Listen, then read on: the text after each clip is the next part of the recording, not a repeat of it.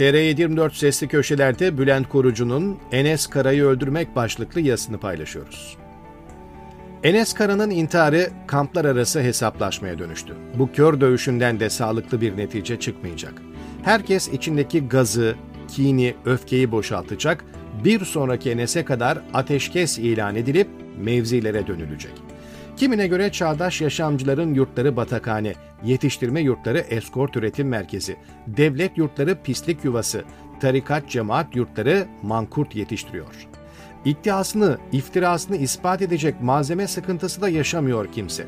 Saydığımız bütün yerlerden on binlerce pırıl pırıl insan çıkmıştır.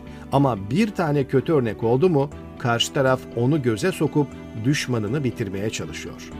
Olumsuzluklar şeytanlaştırılmış kitleyi gömmek için fırsata dönüştürülüyor.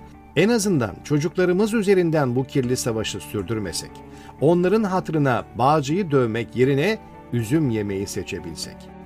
Tarikat cemaat yurtlarında sorun var mı? Var. Kapatılmalı mı?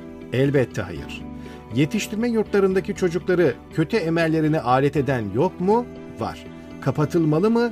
Elbette hayır.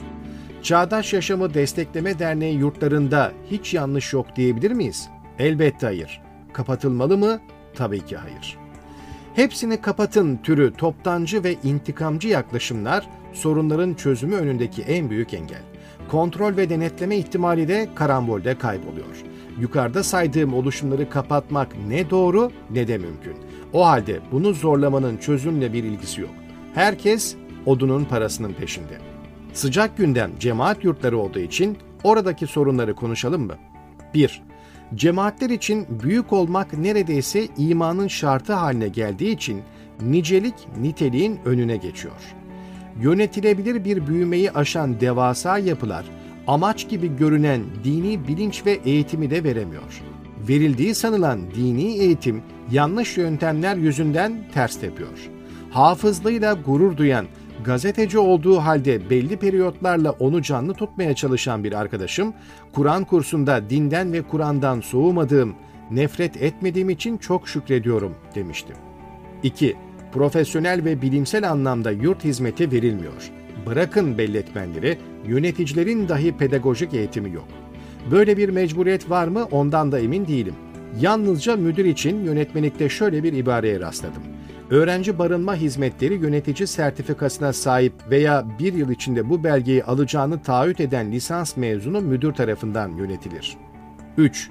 Toplumda psikoloji denen şey sadece lisede bir ders adı olarak biliniyor. Gözü bozulan göz doktoruna gidiyor ama depresyona giren ya biyoenerji ya muskacı ya da kişisel gelişim gurusuna başvuruyor. Yurtta kalan bir çocuk düşüp kolunu kırsa acile yetiştiriliyor, ruhsal bunalıma girdiğinde yurt müdürü karşısına alıp nasihat ediyor. Psikolog ve psikiyatra gitmek toplumda sosyetik bir hobi gibi. 4.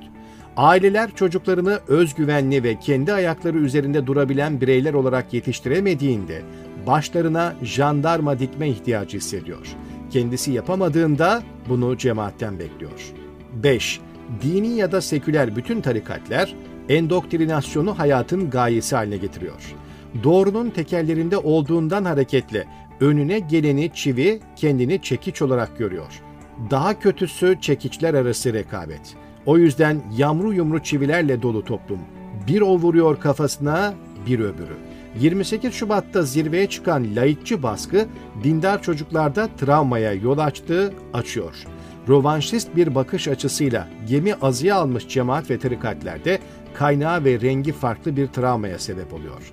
İşin dramatik yönü laikçiler öteki çocuğu baskılarken dindarlar daha çok kendi çocuklarını tüketiyor.